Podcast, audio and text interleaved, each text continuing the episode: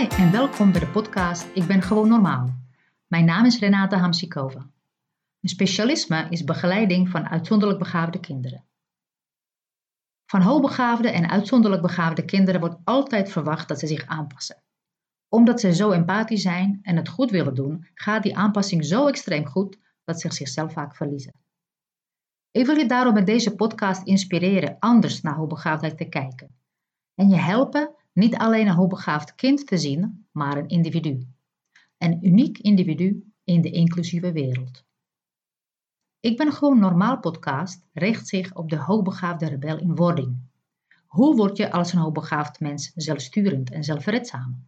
En hoe gebruik je daarbij je belangrijkste gaven als autonomie, intensiteit en je denken?